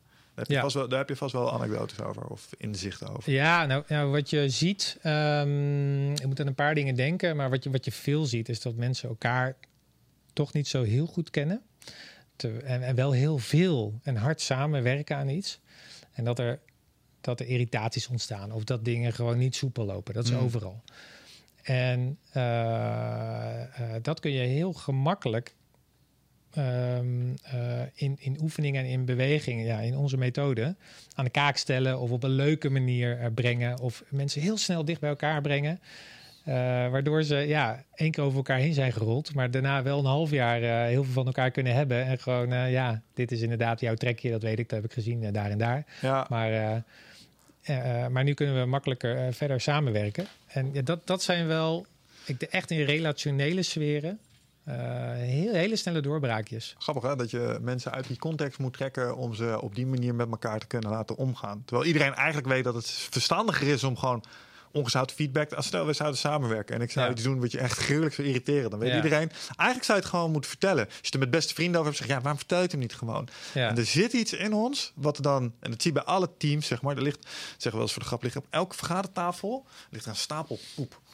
En er liggen een paar servetjes overheen. Iedereen ruikt het, maar niemand heeft het erover, weet je wel. Ja. Zo van, hey, zouden we niet gewoon eens... eh, wat is dat? En gewoon ruikt bijna niet voorkomen, toch? Eh, ja, nee, maar eh, het feit dat niemand het erover heeft, vind ik altijd zo interessant. Het is Ja. natuurlijk spreek, spreekwoordelijk, maar ik hoop niet dat er echt vergadertafels zijn. Nee, ik hoop het niet. Ik vond het wel mooi tot de verbeelding Ja. ja. spreken. Maar eh, dan zou je zeggen, ja, maar dat ga je toch gewoon bespreken. En het maakt niet uit waar je binnenkomt. Je hebt altijd nog zo'n stapeltje liggen waar je Ja. eigenlijk even over moet hebben met Ja. elkaar. En wat ik zo leuk vind aan wat je zegt, is dan, en dan zet je ze even uit die vergaderkamer en dan ineens kunnen we het er wel over hebben. Ja. Dat er een tafel staat in die kamer en dat er vieze dingen op liggen Ja. die er eigenlijk af zouden moeten. Ja. ja, je neemt er echt even de tijd voor. Blijkbaar is dat nodig. Wat is dat? Dat we dat niet in die vergaderkamer zelf kunnen, denk jij? Wat dat is. Ik denk een cultuur van het bedrijf waar, waar, waar we het dan op, die, op dat moment over hebben, een organisatie. Ehm, ik ken bedrijven die dat wel heel goed kunnen, bijvoorbeeld, hè, of teams die dat wel heel goed kunnen. Ja. En ik ken bedrijven waar, waar gewoon nooit over gesproken wordt. Ik denk ook dat er heel veel gebeurt wat we niet doorhebben. Dus dat er een irritatie is die eigenlijk misschien al een tijdje geleden is begonnen, maar dat je dat gewoon eh, nooit echt serieus hebt genomen, maar dat het nu echt in de weg zit. Ja. Dat je denkt, oh ja, om dat nu dan op maandagochtend nou op tafel te gooien, doe ik wel een ander keertje. Dat je de makkelijke weg eh, kiest. Ja, het ligt genuanceerd, denk ik. Ja. Wat is jouw kijk op hoe, hoe een teamcultuur eh, daar in dat opzicht ontstaat? Eh, de- ja, eh, misschien niet helemaal je specialisme, maar je werkt Nee. veel met teams samen. Dus je Ja. komt waarschijnlijk ook binnen de contexten waar ze opereren. En misschien heb je wel een, een indruk gekregen hoe het kan dat het bij het ene bedrijf wel super bespreekbaar is. En bij het andere bedrijf helemaal niet. Terwijl als je dezelfde figuren bij een andere organisatie neer zou zetten, dat ze het misschien wel zouden doen. Wat is het toch dat binnen deze specifieke Ja. vier muren het wel of net niet? Heb je daar ideeën bij? Het is echt cultuur, volgens mij. En waar komt die vandaan wat jou betreft? cultuur. Die- Ja. Die bouwen mensen, die bouwen bedrijven met- regels en met hoe je met elkaar omgaat. En, en dat krijgt vorm. Ehm, dus er zitten zulke grote verschillen in, in dat, dat weet jij ook, in bedrijven waar je komt. Bij de ene kan je makkelijk iets zeggen, bij de andere moet je de veiligheid helemaal waarborgen, anders, anders loopt het mis. Ja. En bij de andere kan je alles zeggen en is, hoe gek eh, is niet genoeg. This is not a safe space. Ja, precies. Ja. Ja, Ja. nou, ik, ik, ik denk dat ik een beetje aan het vissen was Cultuur naar- wint ook altijd. Maar waar ben je naar aan het vissen? Ja, nou, eh, het antwoord eh, een stukje leiderschap. Omdat als het gaat om teams, kom je, ontkom je ook niet aan het facet leiderschap. En dan, ik vind het misschien ook wel interessant om te kijken hoe ga jij om met dat stukje dynamiek. Dus als je met een team werkt en je hebt eh, eh, een bepaalde chef daar lopen of een teamleider met een bepaald persoonlijkheidstype die bijdraagt aan een bepaalde setting. Het lijkt me Ja, beweging, maar geniaal om daar iets mee te doen. Ja. Wel eens tegengekomen? Ja, En hoe adresseer je dat? Ja, dat dan wel het gesprek aangaan hoor. Ja, ja, je wilt ergens naartoe en dan moet je ook onder ogen kunnen zien wat daarbij helpt en wat daar niet bij helpt. Maar ik, ik zit wel altijd in de helpende rol. Dus van, ja, wat, wat kunnen Ja, we nou dat- samen doen? Dat mag ik toch hopen. ja, ja, maar, ja, ja. Nee, ja, tuurlijk. Maar ja, je, je moet het wel samen doen. Dus waar, waar ligt de winst te pakken en eh, wie spelen er allemaal een rol bij en welke middelen kunnen daarbij helpen Mhm. om daar te komen? En, en mensen, het is allemaal mensenwerk. Cultuur en mensen bepalen de uitkomst van hoe je samenwerkt en of dat werkt of niet. Ja. Ja, en dan heb je natuurlijk een product of een dienst die, die, die natuurlijk daar ook weer bij moet passen. Kijk, Als je allemaal ICT'ers bij elkaar hebt, dan heb je eerder een assertiviteitstraining. En bij, als je allemaal militairen bij elkaar hebt, dan heb je eerder een... eh, Eh, hoe heet dat ook alweer? Eh, sen- sensitivity training. ja, ja, ja dat, is, dat, is, dat is gewoon zo bepaald. Ja, ja, ja, ja, ja. Nee, dat is, dat is 100% waar. Nou ja, goed. Ik, heb- ik heb me wel eens laten uitleggen dat ehm, als je kijkt naar, naar teamdynamieken, en ik denk dat Ja. ik daar zelf ook hand in eigen boezem moet Misschien weet steken. jij er veel meer over dan ik. Nou, nee, maar dat, dat een, vi- eh, kijk, een vis stinkt bij de kop, zeggen ze wel eens. Met andere woorden, eh, eh, het leiderschap laat bepaalde dingen zien. Ehm, en, en dat wordt gekopieerd. Bijvoorbeeld, ik heb bij bedrijven gewerkt waar het standaard was in bepaalde teams dat iedereen vijf minuten later binnenkwam. Maar hoe kwam dat? De directeur deed het ook. Was Ja. altijd nog even een mailtje aan het doen? Stond, stond eigenlijk wel ijverig, weet je wel. ja. Ehm, en als je dat dan zou willen eh, adresseren in zo'n dynamiek, dan moet je heel gericht naar die. Eigenlijk is het probleem direct duidelijk. Je moet die leidinggevende hebben en die moet je zijn gedrag laten veranderen. En aangezien je met groepen dan werkt, kan ik me voorstellen eh, dat je dat vaker bent tegengekomen. Dat je misschien iets in die oefeningen doet, waardoor dat wordt blootgelegd. En waardoor je het dus expliciet kunt maken. Ja, dat wa- waardoor je het kunt adresseren. Ja, daar, daar, daar ontwerpen wij onze oefeningen eh, voor, voor, voor Ja. dit. En wij hopen dat dit gebeurt en we coachen op. En eh, heel vaak gebeurt het ook. Dus we worden ook wel eens verrast. We weten nooit precies wat er gaat gebeuren. Hoe leg je zulke dingen bloot dan in je oefeningen? Door, eh, eh, door een bepaald gedrag onder druk te zetten. Ja, ja, ja. Is bijvoorbeeld een bekende oefening die ook in mijn boek staat. Dat je een cirkel hebt Waarin dan één persoon staat. Dat is dan de ruimte van die persoon. En dan zetten we één persoon buiten die cirkel. En dan geven we 30 seconden om in die cirkel te komen. Jij staat in die cirkel, ik wil erin komen. Ja. Ja, wat gaan we doen? Dit klinkt als boodschappen doen tegenwoordig trouwens. Hoezo? Ja, die anderhalve meter Oh ja, cirkel die ik om me inderdaad. heen heb. Hij blijft erin Mag eigenlijk helemaal niet. Ja, Ja, je hebt gelijk. dat ik twee stappen verderop doe. En dat oma gewoon vrolijk met me meedribbelt omdat ze bij dat schap moet. Geweldig. Ja, inderdaad. Ja, even los van dan de, de Ja, maatregelen. maatregelen. Ja, ja. Goed, jij staat in die cirkel, ik wil erin komen. Wij zijn twee jongens, wij gaan rennen, toch? Wij, eh, die cirkel is zo groot als ongeveer een grote trampoline. Dus er is best wel wat ruimte. Ja, En jij probeert mij eruit te houden en ik probeer erin te komen. We beuken tegen elkaar en eh, dat is een stel.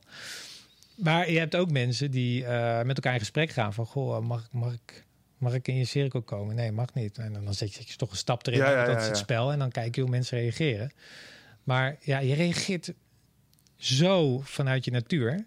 Van je vindt het irritant of je, of je doet niks. Of je weet niet wat je moet doen. Of je gaat rennen, je bent heel fysiek. Of je gaat intellectueel iemand proberen te, eh, te bespelen. Dat je toch naar binnen mag. Nou, iedereen heeft zo in zijn stijl. En die komt binnen 30 seconden. Nou, soms wel binnen 10 Ja, seconden ja, ja, gewoon kraakhelder naar boven. En dan heb je een gesprek. juist. Als je dan durft te zeggen, of durft te vragen, dat durven we dan. Maar als je dan ook durft te zeggen van ja, eh, ik voelde me echt heel ongemakkelijk toen jij bij mij in mijn cirkel stond. Dat, of het kan me niks schelen. Hoe bedoel je, het kan me niks schelen?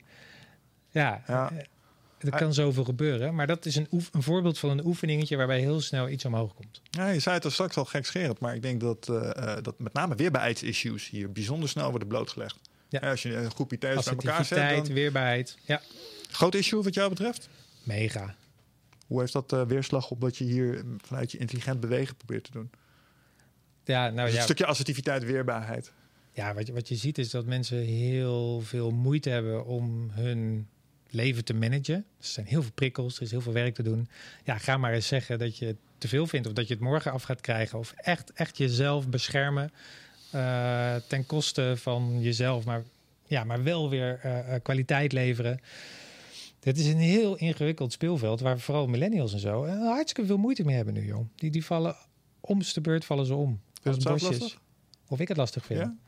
Nou, ik heb daar nog wel af en toe nog wel eens moeite mee, ja. Ja, wat, Ja. Is dan, wat is dan het, hetgene achter waar je precies mee worstelt? Het, teleur, het teleurstellen van mensen of gewoon... Bij mezelf of bij... Ja, als je, als je grenzen moet aangeven. Waar- Wanneer heb jij de laatste keer een grens moeten aangeven bijvoorbeeld? Jeetje, ja, vanochtend waarschijnlijk. In het Nee. verkeer. Nee, wat natuurlijk lastig is, is het is niet leuk om het te zeggen. Ja, ja, oké. Jij wil wel iets en ik, ik kan dat niet leveren of zo. Of ik ben er te moe voor. Of ik heb net niet op tijd de juiste spullen. Dan moet ik dat bij jou aangeven. En dan vind je mij gewoon waarschijnlijk even niet zo leuk. Ja, ja, ja. En dat vind ik weer niet zo leuk. Angst voor negatieve evaluatie. Ja, bijvoorbeeld. Ja, ja. Of mezelf teleurstellen. Of, of het gevoel hebben van falen. Er kan van alles zijn waardoor je het niet wilt vertellen. Of dat je het niet doorhebt. Maar ja, ik doe het wel. Overal ja op zeggen. Kan ik Ja. wel, kan ik wel, kan ik wel. En op een gegeven moment eh, de rekening krijgen. Er zijn heel veel smaken natuurlijk. Waar wij in Nederland echt geniaal in zijn, is eh, complexiteit onderschatten en productiviteit overschatten. Oh ja, Zo van, ja, is lukt me wel, lukt me wel in twee dagen, geen probleem, ga Ja. ik fixen. Ja. Twee weken later, ja, bijna klaar jongens. Ja, ja, ja. nou, dat is ook een proces, dat moeten we leren kennen. Maar we lopen er heel veel tegenaan, natuurlijk. Ja, interessant. Ja, het, dat- zijn- het, zijn, het zijn gave dingen. En eh, de- de- nogmaals, wat ik, wat ik vet bij vind aan dit boek is dat ehm, eh, voor een boel van de, van de issues waar je tegenaan loopt, ligt echt een hele laagdrempelige oplossing binnen handbereik. Die iedereen, nogmaals, die het ook tot de koelkast redt, eigenlijk per vandaag, per nu, per de volgende vijf minuten gewoon mee aan de slag kan. Ja. Ja. ja, dat is heel tof hieraan. Hij is daarvoor ook geschreven. Dus wij doen met, eh, natuurlijk, ik, ik heb hier wat voorbeelden die best wel eh, wat denkkracht nodig hebben. En met groepen en alles. Maar dit, dit, dit kan een individu, mijn buurvrouw kan dit lezen en die kan dit snappen en toepassen. Ja, En dat is leuk. En ik snap dat de, de, de, de methodiek is heel persoonlijk, want eh, de, het is geen one size fit all. Het is niet iets wat iedereen kan Nee. doen en dan heb je het, er is geen standaard aanpak. Maar toch kun je misschien mensen die naar luisteren denken, oké, nice, klinkt goed. Er zijn wat, eh, het- resoneert wel. Ik wil, ik wil hier iets mee. Ik wil aan de slag. Nou, even los van het boek kopen, natuurlijk. Ehm, wat is een stukje laaghangend fruit? Waar ze eigenlijk, eh, nou, deze podcast is straks afgelopen. Ja. Zet hem uit. Wat gaan ze doen? Wat jou betreft, als je het voor je, als je het voor het zeggen had. Deze methode ontdekken. Dus dat kan via het boek, dat kan via eh, downloads, gratis op de website www.spadveranderd.nl. Eh, ik kan komen spreken erover. Eh, er kunnen workshops bij ons afgenomen worden, trainingen afgenomen worden. Er zijn eigenlijk allerlei manieren om, om, om dit eigen te maken en om te leren kennen. Hm. Gratis voor een prikje tot aan ja, gewoon hartstikke duur en echt lange termijn. Ja. En, ehm, en, en voor de professionals hebben we een academy. Dus als jij denkt van, goh, dit is een toffe methode, die wil ik in de vingers hebben om in mijn werk te gebruiken. Ja, Dan kun je bij ons de academy doen. En dan, dan heb je het in de vingers. nice. En, Drie en wat, is, dagen. wat is de proof of the pudding is in de eating? Stel, je wil ze een sample geven. Zeg ik mensen, ik, ik doe ook wel eens dingen en zeg oké, wil je echt even een beetje een gevoel krijgen bij wat het is wat we doen? Maak eens een minddump. Weet je wel? Maak gewoon eens een minddump, schrijf al dingen die op in je hoofd zitten. Doe dat een paar dagen achter elkaar. Bekijk wat de belangrijkste punten zijn. Ze dienen volgorde. Nou heb je een roadmap. Ja. En, dan- en dan kan iedereen in vijf minuten. Je kan je vijf aan de minuten. slag. Je kan- Je kan direct aan de slag. Ja. En, en dan zie je dat, hey, ik voel me veel rustiger als ik elke dag alles wat in mijn hoofd Ja. zwaait opschrijf. Dat is ook zo. Cool. Dit is de toegevoegde waarde. Moet je nagaan als je dan vervolgens ook nog eens puntje, puntje, puntje, puntje zou doen. Ja, ja. Dus dan, dan, dan merken ze, oké, dit doen heeft waarde. Wat is iets wat je naar aanleiding van jouw methodiek direct zou kunnen doen, wat, wat waarde heeft? Waar, je- waar je direct voelt, oké, hier zit iets achter. Ja, dat, dan zou ik de, de, tip, de tip die ik heb gegeven zou ik eh, toepassen. En dat is een, eh, een wandeling maken in de natuur, in een rustige omgeving. Met de vraag van wat is op dit moment nou mijn allergrootste verlangen? Wat is op dit moment mijn ultieme verlangen? Wat wil ik Waarmee echt? ik loop. Ja, wat wil ik echt? Laat alles los. Ga gewoon wandelen met dit in gedachten. En kijk eens of de netwerken die dan actief worden, of die jou ingevingen geven Ja, en antwoord op deze vraag. Ja. Eh, Dat vind ik trouwens een mooie, want ehm, jij, jij stelt deze vraag vast vaker aan mensen. Wat is, wat is je ultieme verlangen? Wat wil je echt? Het liefst zo snel mogelijk. Ja. Ja, Wat, wat valt je op als je mensen deze vraag stelt? vinden ze heerlijk, joh. Vind je dat heerlijk? Ach man, dit, dit is zo'n gebrek aan diepgang. Er is gebrek aan nuance. Er is gebrek aan oprechte interesse. En Het heb- is oppervlakkig. Het is scoren. Nee, mensen zijn ik Weet, ze weten ze stel. heb je het gevoel dat ze dit weten? Sommigen kunnen hem zo zeggen. Oké. Dus met sommige mensen moet ik echt even aan de bak. Ja. Dat, dat, dat, Ja. dat ligt aan de persoon. ja, en het ligt natuurlijk ook aan de setting. Mijn, mijn ervaring is dat als ik het ga hebben over ultieme verlangens met mensen, dan krijg ik in eerste instantie, want dan is het super belangrijk dat ze eerlijk zijn en blijven. Gruwelijk eerlijk zijn. Want het- Ja. ik ben personal trainer geweest. Je wil niet weten hoe vaak ik met mensen vraag: hey, wat kom je eigenlijk doen? Jokkebrokken. Hè? Jokkebrokken. Ja, ik kom Ja. voor. Ik wil sterker worden. ik wil graag eh, werken aan mijn vitaliteit. Ja. Eh, ik wil graag een beetje weerbaarheid. Doorvragen. Twee weken later, nou, ik wil eigenlijk blokjes op mijn buik en er gewoon goed uitzien in een bikini. Ja, Ja, zeg dat dan, weet je wel. dus er zit een bepaalde sociale menselijkheid als het, in, als het gaat om eh, antwoorden geven. En wat wil je nou eigenlijk? Ja, mensen aan het lachen maken. Mensen helpen.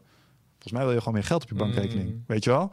Ja, nou, dat zou wel heel erg helpen. Ja, zeg dat dan gewoon. Weet je Ja. Want dan, dan Ja, kunnen we naar het echte, echte probleem toe. Dus ik, ik vind het, het- de vraag vind ik super belangrijk. Dus de, de, de side note wel, maar wees dan wel eerlijk in het, in het antwoord geven. Omdat het zo, zo makkelijk is om daar iets neer te zetten wat, wat iedereen leuk vindt om te horen. ja. Maar misschien niet hetgene is. Nee, maar dan ga je een traject aan eh, gebaseerd op, op leugens. Of op, op onwaarheden. Of om eh, een beetje eromheen lullen. Ja, ja, Nee, je, moet, je moet wel een traject aangaan en dan jezelf blootgeven. Zeker, zeker. Oké. ehm, ja, ik vind, er- ik vind echt een, ehm, ik vind het een mooi iets wat je hebt neergezet. En ik, ik Leuk hoop, om te horen, joh. Ja, ik hoop dat, eh, eh, dat mensen naar aanleiding hiervan gewoon vanuit een ander perspectief eens gaan kijken naar dat stukje beweging. Ik merk bij mezelf ook een bias dat dat echt meer firing for effect is. Het, het is altijd het verstoren van homeostase of het verbeteren van cardio of wat dan ook. En iets meer terug ehm, eh, hier naartoe. Ehm, naar aanleiding van, van de prep ben ik bijvoorbeeld ook eh, het, het schaduwboksen weer eens iets meer een plek gaan geven in mijn trainingen. Omdat ik eh, simpelweg, ik vind het gewoon leuk om op die manier te bewegen. En dat is misschien niet noodzakelijk een training die per. Het is een techniektraining. Het is niet meteen. Het, je gaat niet voor je ene rem of iets dergelijks, maar het is een andere manier van bewegen. Ja. En wat ik er zelf ook heel erg in terugmerk, is dat ehm, iets wat ik stiekem al een klein beetje wist, maar vergeten was. En wat jouw boek weer naar boven heeft gehaald, dat is dat stukje emotion through motion. Dus dat hoe jij beweegt bepaalt ook in sterke mate hoe je je voelt. Als ik aan het schaduwboksen ben, voel ik me echt fucking weerbaar. Voel ik me sterker. Heb ik daarna veel meer zin in dingen aanpakken. Of vind ik het veel makkelijker om iets moeilijks uit te spreken naar iemand. Ehm, en ik was even vergeten dat die kracht eh, ook in bewegen zit. Even los van fitter worden, sterker worden Ja. eh, en je cardio verbeteren. Dus dat vind ik een mooi inzicht. En ik hoop dat de luisteraars naar deze podcast ook dat perspectief weer eens kunnen pakken. Om op die manier ook op andere stukjes weer een voortgang te pakken. Want dat stuk transfer, dat werd hier wel heel erg duidelijk in. Cool. Op deze manier even dat bewegen en dan daarmee op andere fronten van je leven weer voortgang Ja, unlocken. het even de tijd geeft. Dat is hem. Ja, Ja, dus eh, daar was ik heel erg enthousiast over. Dus eh dank je wel daarvoor. Ja. Je hebt er net al eventjes laten vallen waar mensen je kunnen vinden. Maar misschien kun je het nog even zeggen tegen ze. Waar kunnen we jou eh, op het internet... eh, www.spatveranderd.nl met een T aan het eind. dat is mijn bedrijf. En eh, op LinkedIn ben ik goed te vinden. Ik ben ook makkelijk te benaderen. Dus vragen vind ik ook altijd heel tof. Stuur ze gewoon. Kom in contact en dan, ja, dan zetten we een volgende stap. Top. Leuk man. Alright Ja, man. Bedankt voor je tijd. Luisteraars, weer bedankt voor jullie tijd en energie. En tot de volgende keer. Thanks. Ciao.